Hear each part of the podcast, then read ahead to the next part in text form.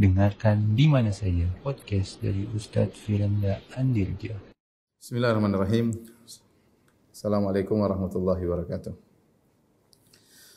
Alhamdulillahi ala ihsanih wa syukru lahu ala taufiqihi wa amtinani wa ashadu an la ilaha illallah wahdahu la syarika lahu ta'ziman li sya'nih wa ashadu anna Muhammadan abduhu wa rasuluhu da'ila ridwani Allahumma salli alaihi wa ala alihi wa ashabihi wa ikhwani uh, Hadirin hadirat para pemirsa uh, jemaah Masjid Asra uh, Sunter yang dirahmati oleh Allah Subhanahu wa taala. Kita melanjutkan bahasan kita tentang kisah uh, Amirul Mukminin Umar bin Khattab radhiyallahu taala anhu. Uh, kemarin kita telah sebut tentang sedikit sejarah tentang Umar bin Khattab ya, tentang keistimewaan-keistimewaan Umar. Pada kesempatan kali ini kita akan bahas tentang bagaimana uh, uh, kekhilafahan Umar, bagaimana pemerintahan Umar Ibn Khattab radhiyallahu taala anhu yang penuh dengan keadilan dan penuh dengan uh, rahmat dan kasih sayang ya. Ketika Abu Bakar radhiyallahu taala anhu sakit parah, maka Abu Bakar ya uh, mengumpulkan orang-orang dan dia berkata, "Innahu qad nazala bi ma qad raun wa la adhunnuni illa mayitan lima bi." Wahai uh, sahabatku, wahai rakyatku ya. Lihatlah aku telah ditimpa dengan apa yang menimpa aku itu penyakit. Dan menurutku aku akan meninggal dunia karena penyakitku ini ya. Uh, kemudian dia mengatakan fa amiru alaikum man ahbabtum. Silakan kalian mencari penggantiku yang kalian uh, pilih yang kalian sukai. Yaitu Abu Bakar tidak ingin setelah beliau meninggal kemudian terjadi kegaduhan maka menurut beliau hendaknya terpilih amir pemimpin baru atau khalifah baru sebelum beliau meninggal dunia agar tidak terjadi kekacauan.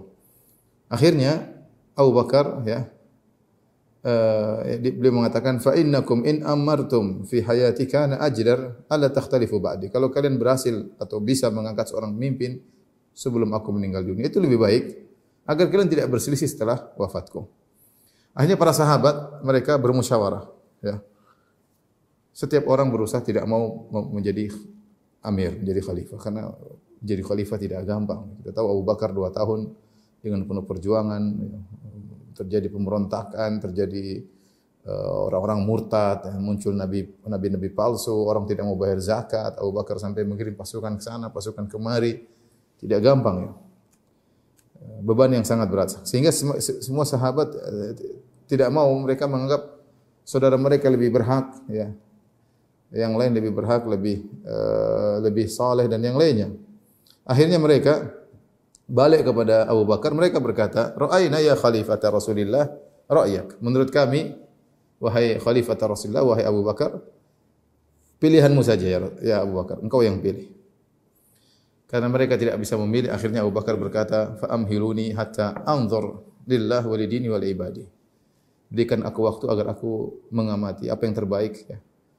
Ya karena Allah, karena agamanya dan juga untuk hamba-hambanya.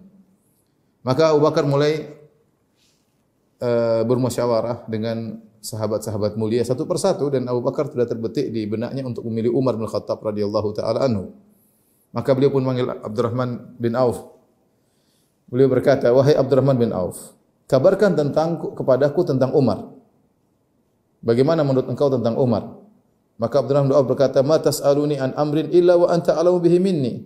Wahai Abu Bakar, engkau bertanya kepadaku tentang sesuatu yang kau lebih tahu tentangnya daripada aku. Artinya yang lebih tahu tentang Umar engkau daripada aku. Kata Abdurrahman bin Auf. Kata Abu Bakar, wa in. Meskipun aku lebih tahu, tapi aku ingin melihat atau ingin mendengar pendapatmu tentang Umar. Maka apa kata Abdurrahman bin Auf? Huwa wallahi afdalu min ra'yika fihi. Menurutkah, menurutku wahai Abu Bakar, Umar itu lebih afdal dari pendapatmu terhadap Umar. Ya, ini jawaban yang luar biasa. Artinya, kau punya penilaian terhadap Umar, wahai Abu Bakar, menurutku Umar lebih baik daripada penilaian ya. Ya kemudian uh, kemudian Abu Bakar bermusyawarah dengan Uthman ya bin Affan radhiyallahu taala anhu. Sama. Apa jawaban Uthman Allahumma ilmi bihi anna sariratahu khairun min alaniyatihi kata Uthman bin Affan radhiyallahu anhu ya Allah ya sungguhnya ilmuku tentang Umar bahwasanya apa yang dia sembunyikan itu lebih afdal daripada apa yang dia nampakkan. Sariratuhu yaitu maksudnya apa kegiatan dia yang tidak diketahui oleh orang itu lebih afdal daripada apa yang dia tampakkan. Wa annahu laysa fina mithluhu dan sungguhnya tidak ada orang seperti dia di antara kita. Jawaban jelas Umar yang terbaik. Kemudian uh, Abu Bakar berkata, "Ya rahmukallah, semoga Allah merahmatimu." Kemudian Umar manggil Usaid bin Hudair. Usaid bin Hudair salah seorang dari kaum Ansar ya. Tadi dari kaum Muhajirin, Abdurrahman bin Auf sama Uthman bin Affan. Sekarang tanya kepada Usaid bin Hudair, salah seorang pembesar di kalangan kaum Ansar. Maka jawabannya sama ya. Allahumma a'lamuhu al-khairah ba'daka. Ya. Ya Allah sungguh aku tahu ya Umar itu adalah yang terbaik setelah engkau wahai Abu Bakar. Ya. Kemudian Abu Bakar juga bermusyawarah dengan Said bin Zaid. Said bin Zaid salah seorang dijamin masuk surga dari 10 orang yang dijamin masuk surga. Dan uh, Abu Bakar juga bermusyawarah dengan sekelompok kaum Ansar dan Muhajirin. Semua jawabannya sama. Bosnya Umar adalah yang terbaik. Kecuali Talha bin Ubaidillah. Talha mengisyaratkan Umar keras ya. Dia khawatir Umar tu kencang ya. Maka Talha berkata kepada Abu Bakar, "Ma anta qailun li rabbika idza sa'alaka an istikhlafika Umar alaina wa qatara ghilzatahu?" Kata Talha bin Ubaidillah, "Wahai Abu Bakar, apa yang akan kau jawab kepada Allah Subhanahu wa taala? Jika engkau Allah bertanya kepada engkau, kenapa engkau menjadikan Umar sebagai penggantimu padahal kau tahu Umar keras?" Maka Abu Bakar berkata, "Ya, ajlisuni abillahi tukhawifunani ya kau ingin nakut-nakuti aku? Ya. Aku akan menjawab kata Abu Bakar Allahumma istakhlaftu alaihim khaira ahlik. Aku akan menjawab kepada Allah ya Allah aku telah memilih penggantiku yang terbaik di antara hamba-hambamu. Kemudian Abu Bakar menjelaskan adapun sikap keras Umar sebagaimana disampaikan oleh Talha bin Ubaidillah radhiyallahu anhu maka Abu Bakar berkata dzalika li annahu yarani rafiqan Walau afdal amru ilaihi la taraka katsiran mimma alaihi. Umar tu kencang karena dia sering menemaniku dan melihat aku lembut, makanya dia mengimbangi dengan sikap kencangnya. Nanti kalau dia jadi khalifah, tentu dia akan meninggalkan banyak sikap kerasnya. Dia keras selama ini kamu lihat. Umar memang keras ketika mendampingi Abu Bakar dalam uh, menjalani pemerintahan. Abu Bakar sering bermusyawarah dengan Umar. Nampak sikap Umar yang keras dan tegas. Abu Bakar menjelaskan itu sikap dia begitu karena dia melihat aku lembut sehingga dia berusaha untuk mengimbangi. Nanti kalau dia jadi khalifah, maka ini akan berubah, akan banyak sikap-sikap kerasnya akan dia tinggalkan. Akhirnya eh, semua orang setuju bahwasanya yang menjadi eh, pengganti ya Abu Bakar adalah Umar bin Khattab radhiyallahu taala anhu. Dan ini adalah eh, sikap terbaik Abu Bakar yang ditinggalkan bagi umat Islam memilih Umar bin Khattab sebagai pengganti beliau ya. Baik. Uh, ketika Umar tidak tahu hal ini, ketika Abu Bakar sudah terfokus untuk memilih Umar bin Khattab radhiyallahu taala anhu, maka Abu Bakar pun memanggil Umar. Kemudian Abu Bakar pun didatangkan oleh Umar, maka Abu Bakar menjelaskan hal ini kepada Umar bahwasanya engkau akan menjadi khalifah penggantiku, fa aba an yaqbal. Umar tidak mau. Umar tidak mau. Fatahaddadahu Abu Bakar bisayf. Abu Bakar ancam dia dengan pedang. Kamu harus mau. Ya. Akhirnya Umar tidak mau. Tidak tidak mungkin kecuali menerima tawaran uh, tersebut. Ya. Akhirnya setelah itu Abu Bakar pun berbicara kepada rakyatnya, kepada kaum muslimin. Ya.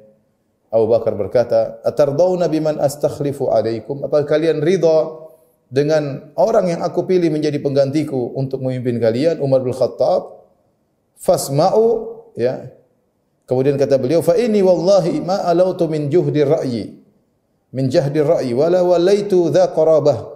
Wa inni qad istakhlaftu alaikum Umar bin Khattab fasma'u lahu atiyu kata Abu Bakar apa kalian ridha dengan orang yang aku pilih sebagai penggantiku demi Allah Aku berusaha keras untuk memilih yang terbaik bagi kalian. Dan aku tidak memilih kerabatku. Aku tidak memilih kerabatku untuk menjadi penggantiku. Dan sungguh aku telah mengangkat Umar bin Khattab menjadi pengganti penggantiku. Maka taatlah dan dengarlah perintahnya. Maka para sahabat berkata, Sami'na wa ata'na. Kami dengar dan kami taat. Setelah itu kemudian uh, Abu Bakar pun berdoa kepada Allah Subhanahu wa taala. Ya, kemudian dia berkata, "Allahumma wallaituhu bi ghairi amri nabiyyik wa lam urid bidzalika illa salahahum." Ya Allah, sungguh aku telah memilih Umar tanpa ada perintah dari nabimu. Ya, Rasulullah tidak pernah mengatakan, "Wahai Abu Bakar, kalau kau mati pilih Umar." Tidak ada. Rasulullah sendiri tidak memilih Abu Bakar, tidak menyebutkan secara tegas Abu Bakar jadi penggantiku setelah aku mati. Tidak ada.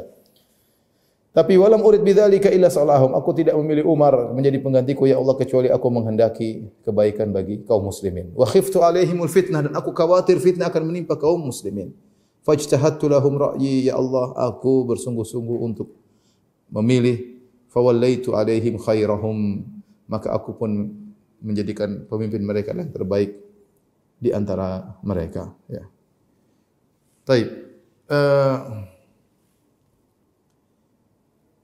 akhirnya diangkatlah Umar bin Khattab radhiyallahu taala anhu sebagai pengganti eh, Abu Bakar radhiyallahu anhu. Umar menjadi pengganti Abu Bakar.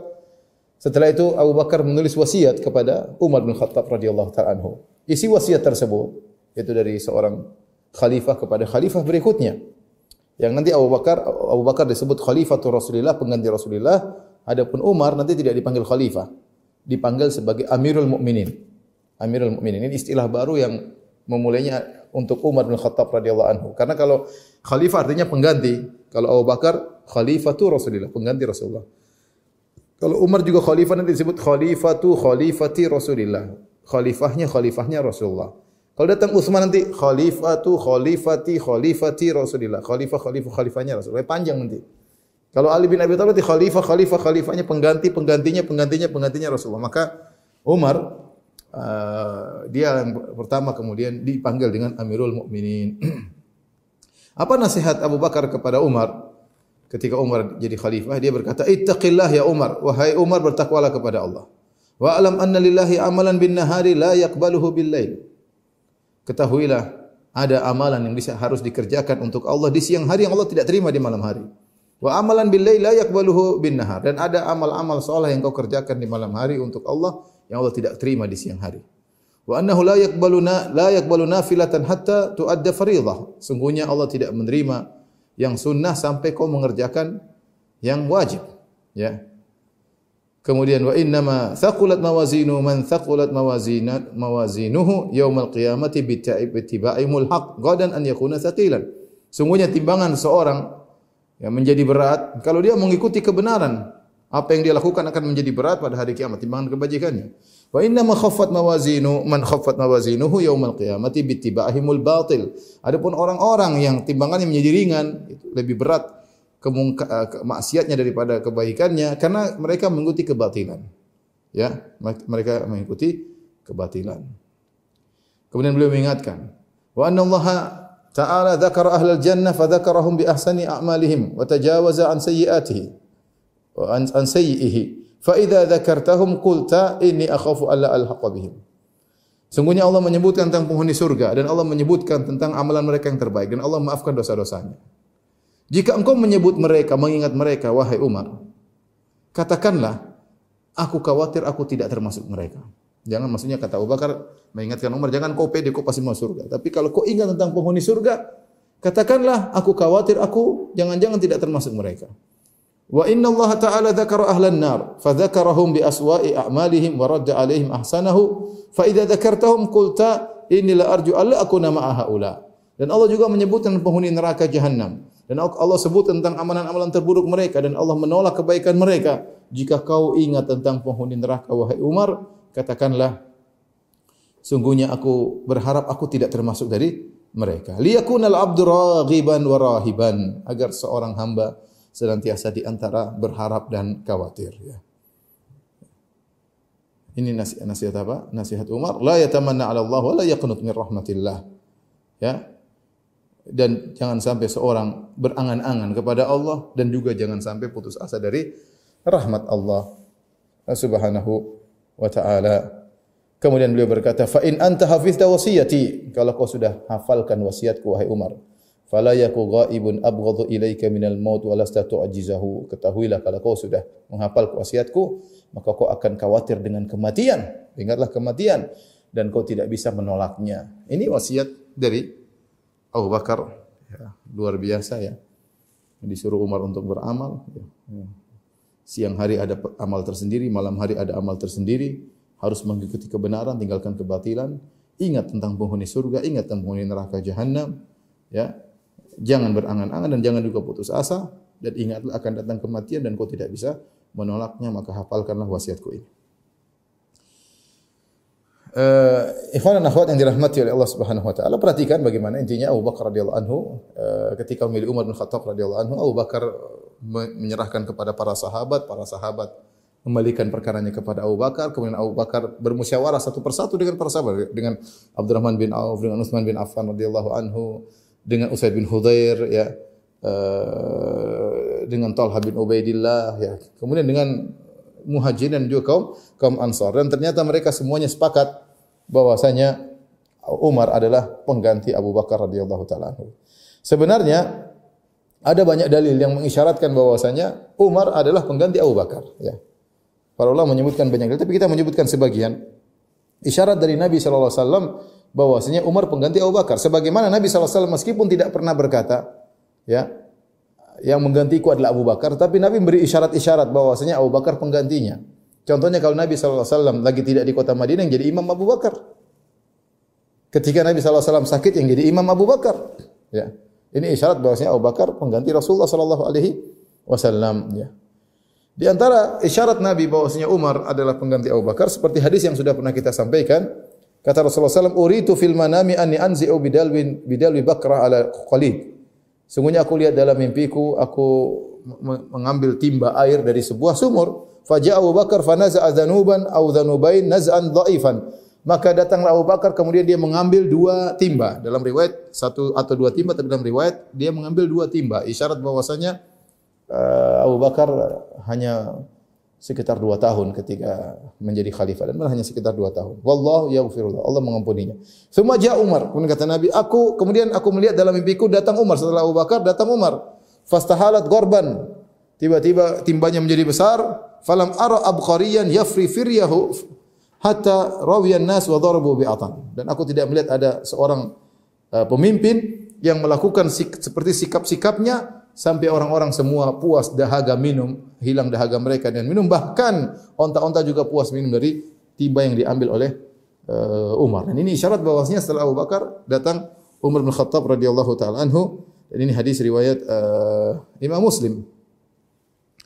Demikian juga ya uh, dalam hadis yang lain dari hadis Hudzaifah radhiyallahu taala anhu kata Hudzaifah kunna inda Nabi sallallahu alaihi wasallam julusan. Suatu hari kami bersama Nabi sedang ber, sedang duduk.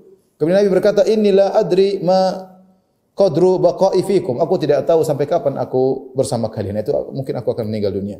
Kemudian kata Nabi sallallahu alaihi wasallam faqtadu bil ladaina bil ladaini min ba'di wa asyara ila Abu Bakar wa Umar. Kata Nabi Teladanlah kalian kepada dua orang setelahku, yaitu Abu Bakar dan Umar. Jelas Abu Bakar kemudian Umar. Ini juga isyarat yang kuat bahwasanya memang Umar menjadi khalifah setelah Abu Bakar eh, radhiyallahu taala anhu ya. Kemudian juga dalam riwayat yang lain dari Anas bin Malik radhiyallahu taala anhu beliau berkata, "Ba'athani Banul Mustalik ila Rasulillah." Satu hari Banul Mustalik Eh, mengutusku untuk bertanya kepada Nabi sallallahu alaihi wasallam. Sallana Rasulullah, wahai Anas, tanyakanlah pertanyaan kami kepada Rasulullah sallallahu Ila man nadfa sadaqatina ba'dak. Kalau engkau sudah meninggal, kami bayar zakat, kami serahkan kepada siapa kalau engkau meninggal wahai Rasulullah? Qala Anas fa ataituhu fa sa'altu aku pun datang kepada Nabi dan aku bertanya, ila apa jawabannya kata Rasulullah? Ila Abi Bakar. Kalau aku meninggal serahkan zakat kepada Abu Bakar. Fa ataitum fa akhbartuhum aku pun datang kepada Banul Mustalik aku kabarkan kalau Nabi meninggal kalian bayar zakat kepada Abu Bakar. Fa qalu irji ilaihi kembalilah lagi kepada Rasulullah. Fasalhu fa in hadatha bi Abi Bakar hadathun fa ila man kalau ternyata terjadi sesuatu kepada Abu Bakar terus kami bayar zakat kepada siapa? Fa ataitu fa saltu aku datang kepada Nabi aku tanya lagi kata Rasulullah SAW ila Umar berikanlah zakat kalian kepada Umar fa'ataitum fa'akhbartum. Lalu aku datang kepada mereka, aku kabarkan kepada mereka. Ini isyarat jelas bahwasanya setelah Abu Bakar menjadi khalifah, maka adalah Umar bin Khattab radhiyallahu taala. Intinya para sahabat ijma bahwasanya yang menjadi khalifah setelah Abu Bakar adalah Umar. Dan tidak ada yang kemudian ribut-ribut setelah itu enggak ada. Ya, tidak seperti pernyataan orang Syiah yang mengatakan semua khalifah tidak ada yang sah kecuali Ali bin Abi Thalib. Abu Bakar tidak sah, Umar tidak sah, Utsman tidak sah, yang sah cuma Ali bin Abi Thalib. Mereka mengatakan Abu Bakar merebut uh, kekhilafahan dari Ali setelah Ali, Umar merebut kekhilafahan dari Ali setelah Umar, Utsman merebut kekhilafahan dari Ali sementara Ali tidak bertindak apa-apa. Seakan-akan seorang penakut yang tidak bisa memperjuangkan haknya. Ini tuduhan orang-orang Syiah kepada uh, kepada para sahabat. Tidak benar para sahabat semua setuju yang menjadi pemimpin adalah Umar bin Khattab setelah wafatnya Abu Bakar radhiyallahu taala anhu. Setelah itu ketika Umar diangkat menjadi khalifah maka Umar berkhutbah. Apa khutbah? khutbah pertama seorang Amirul Mukminin, seorang penguasa kaum muslimin. Beliau berkata di antara khutbahnya, khutbahnya dia naik ke atas mimbar kemudian Umar berkata, "Allahumma inni syadidun falayyinni." Ya Allah sungguhnya aku ini keras maka lembutkanlah aku. Jadi Umar mengakui kekurangannya. Wa inni dhaifun faqawini aku ini lemah ya Allah kuatkanlah aku dalam menjalankan pemerintahan. Wa inni bakhilun fasakhinni. Ya Allah aku ini pelit maka jadikanlah aku dermawan. Kemudian juga diriwayatkan di awal khutbah yang beliau katakan perhatikan ya. Jadi di sini Umar mengakui kekurangannya dia minta kepada Allah untuk menguatkannya Eh, di antara khutbah beliau juga beliau berkata Inna Allah kepada rakyat kaum muslimin Inna Allah ibtalakum bi ya wahai kaum muslimin sungguhnya Allah telah menguji kalian dengan aku ya. aku ini ujian bagi kalian wabtalani bikum ba'da sahibayya dan aku akan kalian menjadi ujian bagiku setelah kedua sahabatku setelah Abu Bakar setelah Rasulullah SAW dan Abu Bakar ya. kemudian kata beliau fa wallahi la yahduruni syai'un min amrikum fayalihi ahadun duni. Kalau ada perkara yang yang sampai kepadaku, tidak ada orang yang lain akan mengurusi. Aku akan mengurusi langsung, kata Umar. Tidak ada perkara urusan kalian sampai kepadaku, kemudian ada orang lain yang mewakiliku. Tidak, aku akan mengurusi langsung. Wala yataghayyabu anni fa'alu fihi an ahli jaza jaza wal amanah. Kalaupun aku tidak bisa mengerjakannya, maka sungguh-sungguh aku akan memilih orang yang memang berpantas dan punya kafaah, yaitu punya uh, kredibilitas untuk mewakiliku. Kemudian Umar berkata, "Wallahi la in ahsanu la uhsinanna ilaihim." Demi Allah kalau mereka berbuat kebaikan, maka aku akan berbuat baik kepada mereka. Wala in asa'u la unakkilanna bihim. Kalau ternyata mereka berbuat buruk, ya, yaitu rakyat berbuat buruk, aku akan aku akan uh, atau apa namanya? Uh, ternyata uh, wakil-wakilku, pejabat-pejabatku berbuat buruk, maka aku akan memberi Eh, balasan kepada mereka, hukuman kepada kepada mereka. Maka salah seorang yang menghadiri khutbahnya Umar bin Khattab, beliau berkata, orang ini berkata, "Wallahi ma zada ala dzalika hatta faraqa dunya." Demi Allah Umar senantiasa demikian sampai dia meninggal dunia. Selalu berhukum dengan seperti itu, berusaha uh, kalau dia berhukum maka berhukum langsung, kalau tidak mau maka dia akan mengirim pejabat-pejabatnya yang dia pilih benar-benar dan kalau mereka berbuat salah maka Umar akan beri hukuman kepada pejabat-pejabatnya tersebut ya. Jadi kita lihat dari khutbah Umar, nampak bahwasanya Umar menyadari bahwasanya kepemimpinan khilafah jabatan adalah bala, adalah ujian. Ya. Adalah ujian. Bukan suatu yang uh, dibangga-banggakan, tidak. Menjabat mengurusi kaum muslimin ini ujian ya. Kalau seorang tidak mampu maka mengerikan ya. Makanya ketika Rasulullah SAW menasihati Abu Dhar uh, kata Nabi SAW inilah araka dhaifan. Fala ta'ammaranna ala thnain kata kata Rasulullah wahai Abu Abu, Abu Dhar aku melihat engkau seorang yang lemah. Maka jangan kau menjadi pengatur dua orang jangan. Ya, karena tidak semua orang mampu untuk menjalankan tugas yang berat ini. Ke, jabatan bukan untuk dibangga-banggakan. Jabatan adalah bala, ibtila, ujian dari Allah Subhanahu Wa Taala yang Allah akan minta pertanggungjawaban atas apa yang kita pimpin tersebut. Ya. Perkara yang mengerikan.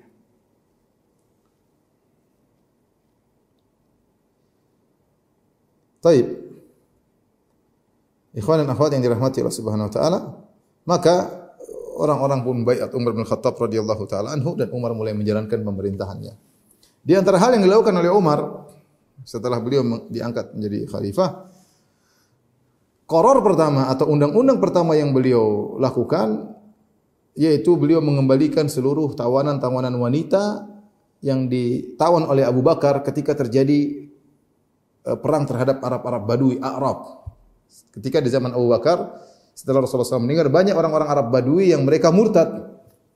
Ada yang beriman kepada Nabi baru, ada yang meninggalkan Islam, murtad, banyak murtadin. Ya. Mereka murtad sana, murtad sini, di sana Abu Bakar kirim pasukan, Abu Bakar kirim pasukan, Abu Bakar kirim Khalid bin Walid untuk berperang melawan mereka. Abu Bakar mengirim sahabat-sahabat yang lain untuk memerangi mereka dan ternyata para kaum muslim menang dan kemudian karena mereka murtad maka mereka dimuamalahi seperti orang kafir dan orang kafir ya bisa diambil ghanimahnya dan bisa ditawan wanita-wanitanya. Maka wanita tersebut ditawan.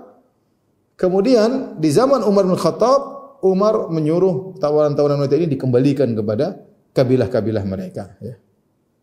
Dan dan ini adalah salah satu uh, tindakan Umar yang uh, luar biasa dan ternyata dampaknya sangat positif.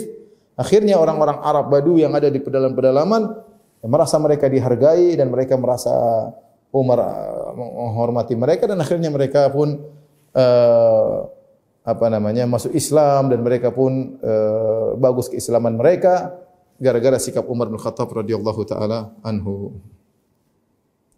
Di antara metode Umar dalam menjalankan kekhilafahan ya adalah dengan uh, bermusyawarah. Ya. Umar adalah khalifah bukan raja ya. Beliau selalu berusaha meletakkan keadilan. Oleh karenanya Umar pernah berkata, "Ma adri a khalifah am malik." Saya tidak tahu saya ini seorang khalifah atau seorang raja. Fa in kuntu malikan fa hadha amrun azim. Kalau ternyata saya ini bersikapnya seperti seorang raja ini perkara besar. Umar tidak mau dikatakan raja, dia khalifah. Khalifah yang mengatur urusan kaum muslimin. Kemudian ada yang berkata kepada Umar, "Innal khalifah la ya'khudh illa haqqan wa la yadha illa fi haqq." Adapun khalifah dia tidak mengambil kecuali hak dan dia tidak meletakkan kecuali kepada al-haq. Dan engkau alhamdulillah wahai Umar, engkau demikian. Ya. Adapun namanya raja yaitu menyusahkan masyarakat, mengambil ini, memberikan terserah dia, ya, maka Umar pun terdiam. Bahkan Umar bertanya, pernah bertanya kepada Salman Al-Farisi, "Amalikun ana am khalifah?" Wahai Salman, jujur aja, aku ini raja atau khalifah? Menurut itu bagaimana? Karena Umar tidak mau dikatakan raja, dia khalifah. Khalifah memegang memegang beban dari uh, dari Rasulullah sallallahu alaihi wasallam, dari Abu Bakar. Maka Salman Al-Farisi berkata, "In anta habaita min al-ardi dirhaman aw aqalla aw akthar thumma wada'tahu fi ghairi mawdhi'i anta malik ghairu khalifah." Ya, kalau memang kau mengambil sesuatu dari hasil bumi kemudian kau meletakkan pada tempat yang tidak tepat maka engkau raja bukan khalifah. Tapi Umar tidak demikian. Jadi Umar berusaha memposisikan ini sebagai khalifah yang memegang amanah yang luar biasa. Di antara metode Umar dalam menjalankan kekhalifahannya adalah dengan uh, metode syura yaitu uh, musyawarah musyawarah. Dan ini adalah metode Rasulullah sallallahu alaihi wasallam yang diikuti oleh Abu Bakar. Rasulullah SAW seorang nabi kata Allah wasyawirhum fil amr. Rasulullah sallam dalam banyak kondisi lalu bermusyawarah dengan para sahabat. Dalam kondisi-kondisi genting dalam perang Uhud, dalam perang Khandaq, Rasulullah SAW bermusyawarah dengan para sahabat. Padahal dia seorang nabi dan sangat cerdas. Pandangannya sangat jitu tetapi Rasulullah SAW selama tidak ada nas tegas dari Allah, maka nabi perkara ijtihadiyah maka nabi tetap bermusyawarah. Dan ini juga dilakukan oleh Umar bin Khattab radhiyallahu taala anhu. Apalagi setelah Umar menjadi khalifah, banyak perkara-perkara baru ya, kontemporer yang dihadapi oleh Umar di, di mana tatkala terjadi ekspansi kaum muslimin semakin luas arealnya, kemudian muncul banyak-banyak orang masuk Islam, Romawi, Persia, bagaimana menghadapi mereka, bagaimana datang penghasilan-penghasilan baru bagi kaum muslimin, harta meletakkan di mana, adanya pasukan yang lebih banyak untuk pertempuran dan yang ini semua butuh ijtihad-ijtihad. Yang ijtihad-ijtihad ini, ijtihad-ijtihad ini tidak bisa dikerjakan oleh Umar sendiri, maka Umar senantiasa bermusyawarah, ya. Ya. Oleh karenanya Umar selalu bermusyawarah terutama dengan asyakh Badar yaitu orang-orang tua yang pernah ikut perang Badar. Mereka punya pandangan-pandangan yang jitu dan mereka dimuliakan oleh Rasulullah sallallahu alaihi wasallam. Oleh karenanya Umar bermusyawarah dengan mereka. Bahkan Umar juga mengirim kepada pejabat-pejabat beliau, ya. Beliau mengirim kepada Sa'ad bin Abi Waqqas hendaknya kau punya teman untuk uh, bermusyawarah, beliau kirim kepada Amr bin As yang pejabat Umar yang di Mesir, kau juga harus punya teman untuk bermusyawarah. Demikian Umar menyuruh beliau menerapkan musyawarah dan beliau menyuruh juga pejabat-pejabat untuk bermusyawarah karena pendapat banyak orang dimusyawarahkan lebih baik daripada pendapat satu orang saja ya. Oleh karenanya Umar selalu menghadiri menghadirkan sahabat-sahabat senior kalau ada permasalahan. Ya, kalau ada permasalahan. Demikian juga di antara taktik Umar, di antara sahabat-sahabat Umar juga menghadirkan sebagian sahabat junior. Contohnya Ibnu Abbas radhiyallahu anhu. Dia punya majelis syura yaitu yang yang yang hadir orang-orang senior saja. Yang mereka sudah orang-orang alim bertakwa yang punya ilmu luas. Tapi Umar juga menghadirkan sebagian remaja-remaja seperti Ibnu Abbas. Tujuannya apa? Regenerasi. Kata para ulama tujuannya regenerasi. Agar bisa diketahui bagaimana musyawarah, agar yang muda mempelajari dari yang tua, ya, untuk regenerasi. Dan demikianlah Umar uh, tatkala uh, mengambil keputusan beliau bermusyawarah tidak dengan semua orang, tapi dengan orang-orang yang pakar, yang ahli, yang memang berhak untuk memberikan uh, pendapat pendapat uh, mereka. Bahkan Kata Ibn Sirin, in kana Umar yastashiru fil amr hatta in kana yastashiru al-mar'ah. Ya. Umar selalu bermusyawarah dalam segala urusan, bahkan terkadang dia minta pendapat seorang wanita. Ya. Farubama Abu Sarah fi qawliha syai' yastahsinu fa ya'khudhu. Mungkin dari perkataan seorang wanita ada suatu pendapat yang baik uh, dari sisi tertentu, maka Umar bisa saja mengambil pendapat uh, pendapat tersebut ya. Di antara uh, contoh yang ma'ruf Umar bermusyawarah tentang ketika Umar dan para sahabat sedang berjalan menuju ke negeri Syam. Sementara di negeri Syam sedang terjadi wabah taun. Ya. Wabah taun sementara Umar sedang berjalan sama sebagian kaum muhajirin, sebagian kaum ansar. Maka Umar pun mengumpulkan mereka. Kita lanjut perjalanan menuju Syam atau kita balik sementara di sana ada taun. Maka Umar pun bermusyawarah dengan mereka. Itu contoh. Maka mereka pun berkhilaf. Khilaf. Ada yang mengatakan, ya kita keluar karena Allah, jangan kita mundur, maju terus. Ya. Sebagian berkata mengatakan tidak itu ada wabah ya dan itu bisa menimbulkan bencana, bisa menimbulkan kematian. Maka jangan maju ya. Kemudian intinya Umar memanggil lihat pendapat, pendapat sampai kemudian beliau memberi uh, keputusan. Akhirnya Umar berkata kepada orang-orang, kita besok akan balik ya. Abu Ubaidah berkata, "Ya Umar, afiroran min qadarillah." Kau balik karena kau lari dari takdir Allah Kata Umar, "Na'am, nafirru min qadarillah ila qadarillah." Kita lari dari takdir Allah menuju takdir Allah yang lain. Ya. Kemudian akhirnya datang uh, Abdurrahman bin Auf datang terlambat kemudian dia menyampaikan tentang hadis yang sesuai dengan keputusan Umar. Idza sami'tum Rasulullah bersabda, "Idza sami'tum bi hadzal waba bi baladin fala taqdumu alaihi wa idza waqa'a bi baladin wa antum fihi fala takhruju firaran minhu." Kalau kalian uh, mendengar ada suatu daerah terkena wabah, maka jangan ke situ. Dan jika kalian berada suatu tempat situ ada wabah maka jangan kalian keluar darinya. Maka akhirnya Umar kembali dan menjalankan uh, keputusan musyawarah. Tapi intinya Umar uh, bermusyawarah ya. Uh, demikian juga di antara landasan-landasan uh, kekhilafahan Umar selain musyawarah adalah Umar berbuat adil dan kesamaan ya. Beliau tidak diskriminasi tapi beliau melakukan uh, persamaan ya dan juga keadilan ya. Dan ini adalah tu yang harus ditegakkan dalam uh, segala uh, pemerintahan. Di antara uh, contoh bagaimana Umar bersikap adil, ya, di zaman beliau ada perselisihan antara seorang Yahudi dengan Muslim. Jadi zaman beliau banyak orang Nasara atau Yahudi yang tinggal dalam pemerintahan Umar. Ya. Ya, mereka tinggal dalam pemerintahan Umar, tinggal dalam daerah kaum muslimin dan mereka bayar jizyah. Jizyah tersebut tidak banyak. Masih lebih banyak zakat daripada jizyah. Dan fungsi jizyah tersebut apa? Fungsinya bahwasanya ini dianggap sebagai warga negara, dijaga hak-haknya, tidak dilanggar hak-hak orang ini, orang kafir ini, Yahudi atau Nasrani. Ya. Bahkan kalau ada yang ingin menyakiti dua eh, Nasrani atau Yahudi, maka negara akan membela karena mereka adalah bagian daripada warga negara ya. Tapi syaratnya bayar jizyah ya sebagai bentuk uh, ketundukan dan juga ada timbal baliknya. Timbal baliknya adalah pengamanan bagi mereka, menjaga mereka, menjaga hak mereka jangan sampai ditolimi. Ya. Suatu hari ada pertikaian atau eh, perselisihan antara Yahudi dengan Muslim.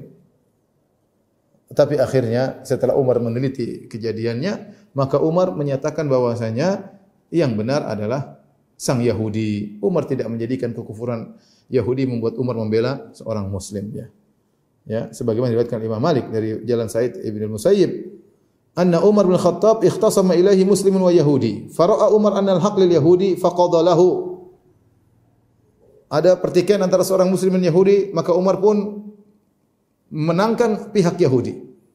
Faqala lahu al-yahudi, maka Yahudi berkata, Wallahi laqad qadaita bil haqq. Wahai Umar, demi Allah telah berhukum dengan kebenaran. Ini lihat bagaimana Umar bin Khattab radhiyallahu taala anhu uh, bersikap dengan keadilan, tidak membedakan Yahudi pun Muslim yang benar maka beliau bela. Demikian juga uh, Umar menyuruh pejabat-pejabatnya untuk datang kalau ada musim haji untuk berkumpul. Ya, kalau mereka sedang berkumpul ada pertemuan dengan Umar maka Umar hadapkan kepada masyarakat. Umar hadapkan kepada masyarakat, pejabat-pejabatnya di hadapan masyarakat. Kata Umar kepada masyarakat kaum muslimin, ya. Aku tidak mengutus pejabat-pejabatku untuk mengambil ya harta-harta kalian yang terbaik ya, untuk merampas harta-harta kalian, ya. Tetapi aku mengutus mereka untuk menjadi hakim di antara kalian dan untuk membagi-bagi sesuai dengan aturannya. Faman fa'ala bihi ghairu dzalik falyakum, ya. Faman fu'ila bihi ghairu dzalik falyakum. Barang siapa yang ternyata disikapi tidak sesuai dengan tugas aku berikan kepada pejabat-pejabatku, maka berdirilah. Ini di hadapan pejabat, pejabatnya hadir. Umar katakan kepada masyarakat, siapa di antara pejabat-pejabat ini yang berbuat tidak benar kepada kalian, hendaknya berdiri. Tidak ada yang berdiri kecuali satu orang. Orang ini protes sama Umar. Dia berkata, Ya Amirul Mukminin, Inna amilaka darabani mi'at saud. Wahai Umar, sungguhnya salah satu pejabatmu mukul aku dengan seratus cambuk. Umar bertanya, kenapa dia mukul engkau? Kalau dia pukul engkau tidak benar, maka kisoslah darinya. Ya. Maka Amr bin As radhiyallahu anhu berkata, Ya Amirul Mukminin innaka in fa'alta hadha yakthuru alayka wa yakunu sunnatan ya'khudhu biha man ba'dak. Ya Umar, jangan kau lakukan ini. Kalau kau metode seperti ini nanti menjadi tradisi akan dilakukan oleh khalifah-khalifah setelah engkau. Ya. Faqala ana la uqidu wa qad ra'aytu Rasulullah aqada min nafsihi. Aku tidak akan uh, apa namanya melakukan uh, kisos uh, dan aku tidak akan melakukan kisos pada diriku sementara aku melihat Rasulullah sallallahu alaihi wasallam melakukan kisos untuk dirinya. Qala fada'na fal nurdihi ya. Maka kata Amr bin As ya Umar jangan dulu kisos.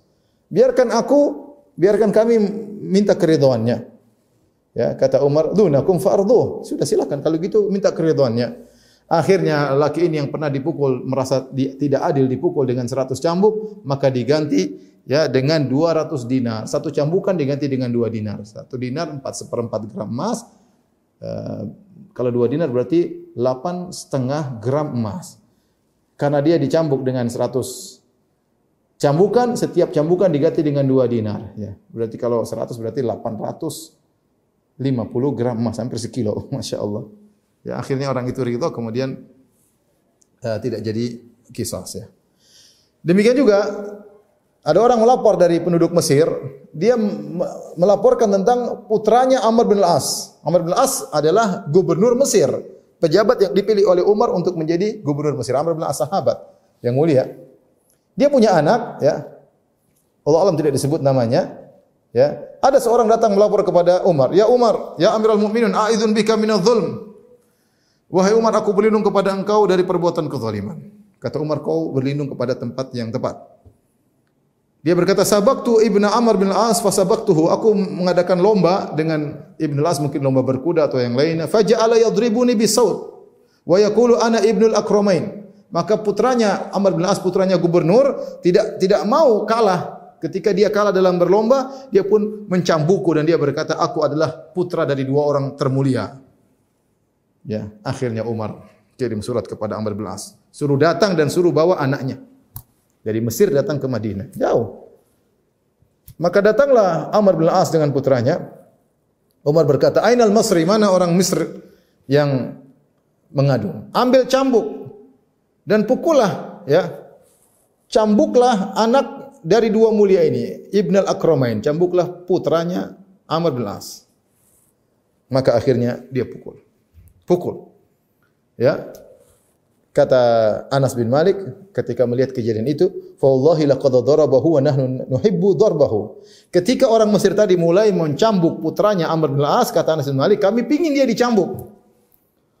Fama rafa'anhu hatta tamannaina an yarfa'anhu. Ketika dia mulai mukul sangat keras sampai Anas berkata, kami berharap dia berhenti dari pukulannya karena pukulannya sangat keras.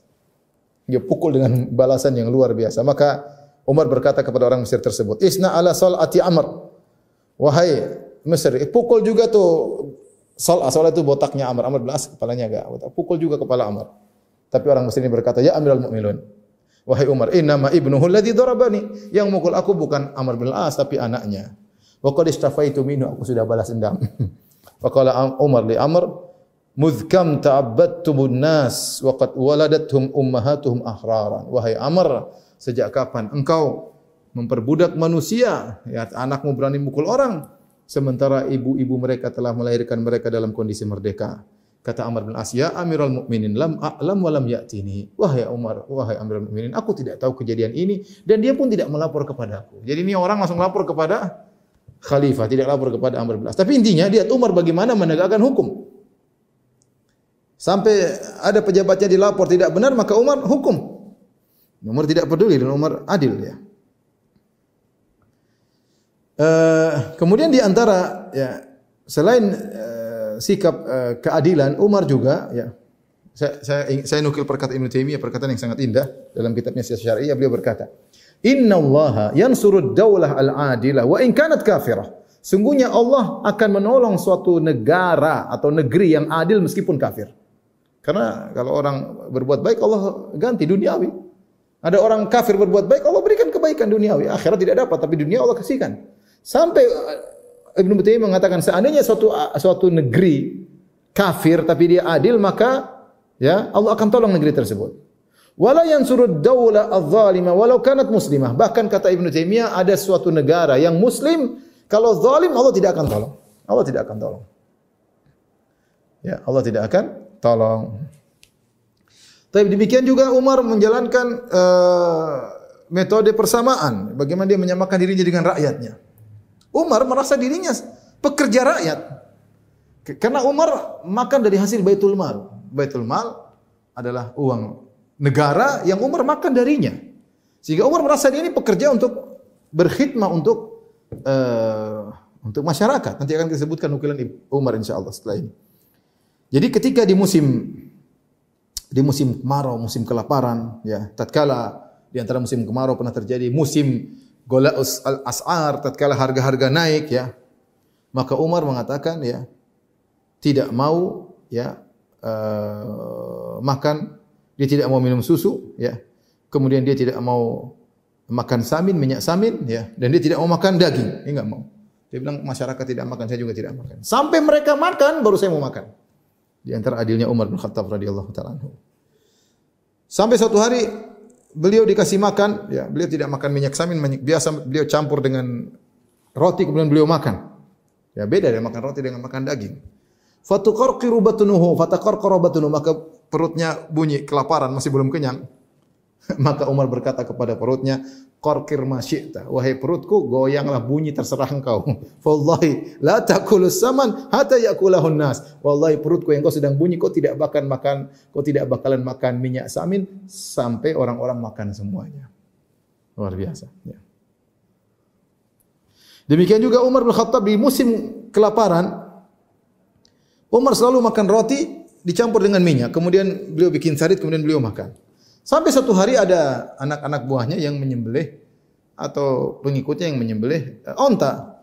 Kemudian ya uh, dihidangkan makanan dari onta kepada Umar. Umar bertanya, "Anna hadza? Dari mana ini onta?" Orang-orang lagi kelaparan. Faqalu mereka berkata, "Ya Amirul Mukminin, minal jazur lati naharna hal yaum." Tadi kami baru menyembelih onta ya Umar, maka kami hidangkan daging buat engkau. Kata Umar, "Bakhin bakhin bi'sal wali ana in akaltu tibaha. Sungguh celaka. Sungguh buruk aku menjadi pemimpin kalau aku makan dari yang uh, makanan terbaik dari onta. Itu diambil waktu itu diambil dari apa? Sanamnya dari kabit, dari punuk onta dan dari hati onta. Dipilih untuk Umar. Umar bilang enggak, kenapa dihidangkan seperti ini? Ya. Kemudian Umar berkata, saya adalah wali yang buruk, pemimpin yang buruk kalau saya makan dari onta, dari hatinya dan dari sanamnya, dari punuk onta yang makan lezat. Sementara kalian beri makan kepada manusia masyarakat kaki-kakinya. Irfa hadhil jufna, angkat ini piring, saya tidak mau makan. Datangkan makanan yang lain. Datangkanlah uh, fa'ti bi khubz wa zait, datangkan roti dengan minyak. Maka Umar pun tidak jadi makan onta, dia pun makan roti. Ajib ya kita lihat ini sahabat ini luar biasa ya. Menakjubkan bagaimana dia seperti itu ya.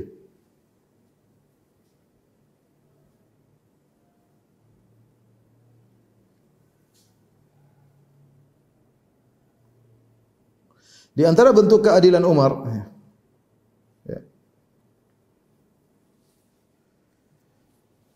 Suatu hari Umar sedang datang kepadanya harta, maka dia pun bagi harta bagi kaum muslimin. Fasdahamu alaihi orang-orang pun datang kumpul. Ya, kemudian datang Sa'ad bin Abi Waqqas, sahabat mulia. Dia pun masuk yuzahimun nas. Dia pun masuk orang juga menghargai Sa'ad bin Abi Waqqas. Dia ingin dapat bagian. Dia pun masuk masuk masuk kemudian tidak lewat antrian. Ya. Fa'alahu bidirrah maka Umar pun mukul Amr dengan dengan tongkatnya. Dia berkata innaka akbar la tahabu sultanullah fil ard. Kau datang yang lewati orang ya, tidak takut kepada sultan Allah yang ada di atas muka bumi. Fa ahbabtu an u'limaka anna sultanullah la yahabak. Aku ingin kasih tahu engkau bahwasanya sultannya Allah itu khalifah ya. Tidak tidak juga tidak gentar kepada engkau wahai Sa'ad bin Abi Waqqas. Kita sahabat Abi Waqqas, orang mulia, orang hebat. Termasuk 10 yang dijamin masuk surga ya.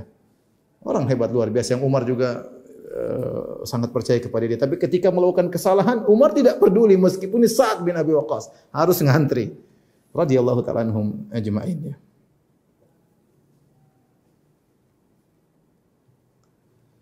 Demikian juga Amr bin As radhiyallahu anhu ketika di Mesir ada anaknya Umar, Abdurrahman bin Umar melakukan kesalahan. Dia minum khamar ya. Akhirnya Amr bin As radhiyallahu anhu karena ini anaknya Umar, maka Amr bin As menegakkan hukum had. Dia cambuk itu anaknya Umar, tetapi dia cambuk dalam rumah tidak di lapangan. Harusnya penegakan hukum had di hadapan banyak orang, harusnya dicambuk depan umum. Tapi karena ini anaknya Umar, maka dia cambuk di rumah. Ya, sebagai bentuk penghormatan terhadap Umar, sampailah kabar ini kepada Umar bahwasanya putranya Abdurrahman bin Umar bin Khattab minum khamar dan ternyata dicambuk dalam rumah tidak dicambuk di luar di depan umum di lapangan. Maka Umar pun mengirim surat kepada Amr bin As dari Madinah ke Mesir. Isinya min Abdullah Umar Amirul Mukminin ila Al-Asi bin Al-As. Kata Umar kenceng. Artinya apa? Dari hamba Allah Umar Amirul Mukminin kepada orang yang membangkang Al-Asi dia enggak bilang Amr tapi Al-Asi Al-Asi itu orang yang membangkang. Putranya Al-As ya. Ajibtulaka ya bin Al-As wa li jur'atika alayya wa khilafa ahdi Aku heran kepada engkau wahai Ibn Al-As. Kenapa engkau berani kepada aku? Engkau menyelisihi janjiku. Ama ini qad khalaftu fika dan kemudian Umar ya uh, menegurnya ya. Kata Umar ya, "Fama arani illa uh, beliau mengatakan tadribu Abdurrahman fi baitik, kau memukul putraku di rumahmu? Wa qad arafta anna hadha yukhalifuni padahal kau tahu aku tidak suka seperti ini." Innama Abdurrahman rajulun min ra'yatika. Sungguhnya Abdurrahman itu adalah salah satu rakyatmu. Dia tinggal di Mesir meskipun putraku dia rakyatmu. Tasna bihi ma tasna bi ghairi minal muslimin. Lakukanlah kepadanya sebagaimana kau lakukan dengan kaum muslimin yang lain. Walakin qulta huwa waladu amirul mu'minin, tapi kau bilang ini adalah putranya Amirul Mukminin, putra raja gampangannya, putra presiden. Enggak. Waqad arafta dan kau sudah tahu wahai Amr, Allah hawadata li ahadin minan nas. Tidak ada toleransi, tidak tidak ada pilih kasih. Hawadam tidak pilih kasih. Tidak ada pilih kasih di antara manusia di sisiku. Fi haqqin yajibu lillahi alaihi. Pada hak Allah yang harus diterapkan kepada dia tidak ada pilih kasih.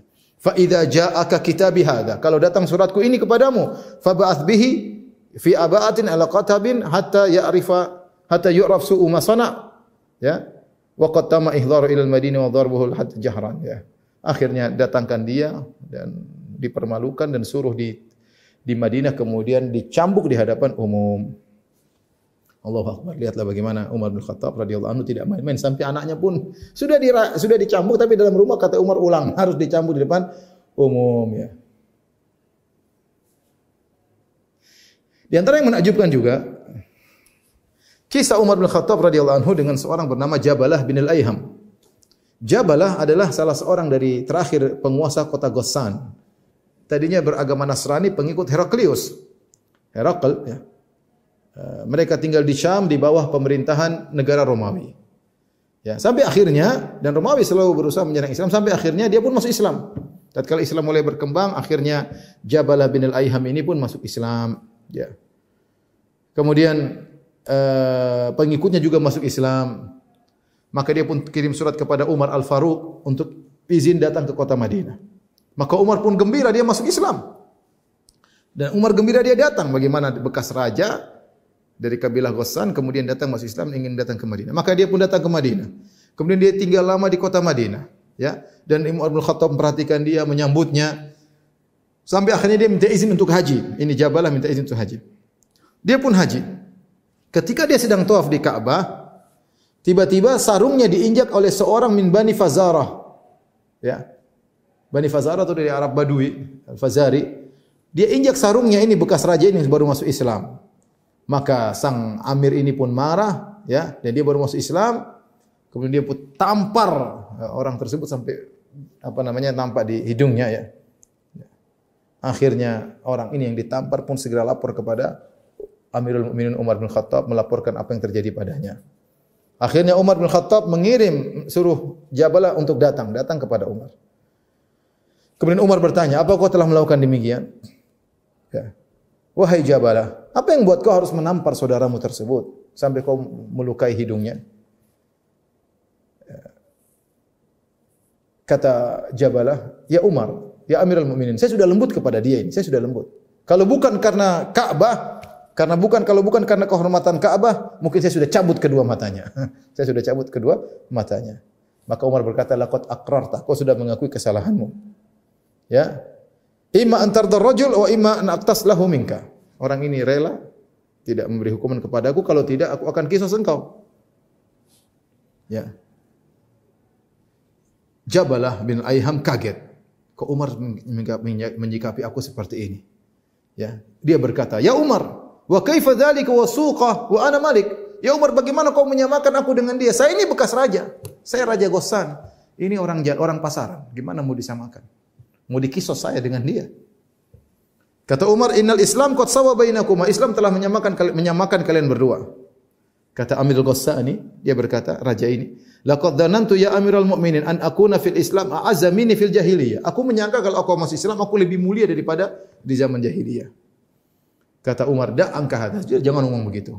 Fa innaka illam turdir rajul iktasastu lahu minka. Kalau kau tidak bisa buat orang ini ridha, aku terpaksa kisos. Kata Jabal, "Idzan atanassar." Kalau gitu aku Nasrani kembali, masuk Islam Nasrani lagi. Kata Umar, "In tanassarta darabtu anak." Kalau kau masuk Islam, kalau kau kembali Nasrani terpaksa saya penggal kepalamu karena kau murtad. Li'annaka aslamta fa in irtadatta qataltuka. Karena kau sudah masuk Islam dalam hukum Islam kalau ada yang murtad dipenggal kepalanya. Akhirnya Jabalah ngerti percuma debat sama Umar, dia tidak akan uh, berubah dan dia tidak mau di dikisos dari orang jalanan ini atau orang pasaran ini. Akhirnya dia minta izin kepada Umar untuk memberikan dia kesempatan berfikir. Umar bilang silakan pergi, berfikirlah. Ya. Akhirnya orang ini pun berfikir, akhirnya dia pergi kabur, meninggal kemudian dia pergi uh, meninggalkan Mekah, ya. Uh, kemudian dia kembali ke Konstantinia, ya, Konstantinopel, kemudian dia kembali lagi Nasrani. Tapi maksud saya Umar radhiyallahu anhu berusaha untuk tetap adil, ya, mensikapi uh, orang-orang tersebut. Allah alam bisawab demikian saja yang saya sampaikan kurang lebihnya saya mohon maaf pada kawan-kawan Astra sekalian saya uh, apa namanya berharap uh, ini nanti bisa dilanjut lagi pekan depan dan teman-teman yang hadir bisa tetap mengikuti agar kita bisa mendengar bagaimana tentang uh, hebatnya Umar bin Khattab radhiyallahu taala anhu. Wabillahi taufiq wal hidayah. Assalamualaikum warahmatullahi wabarakatuh.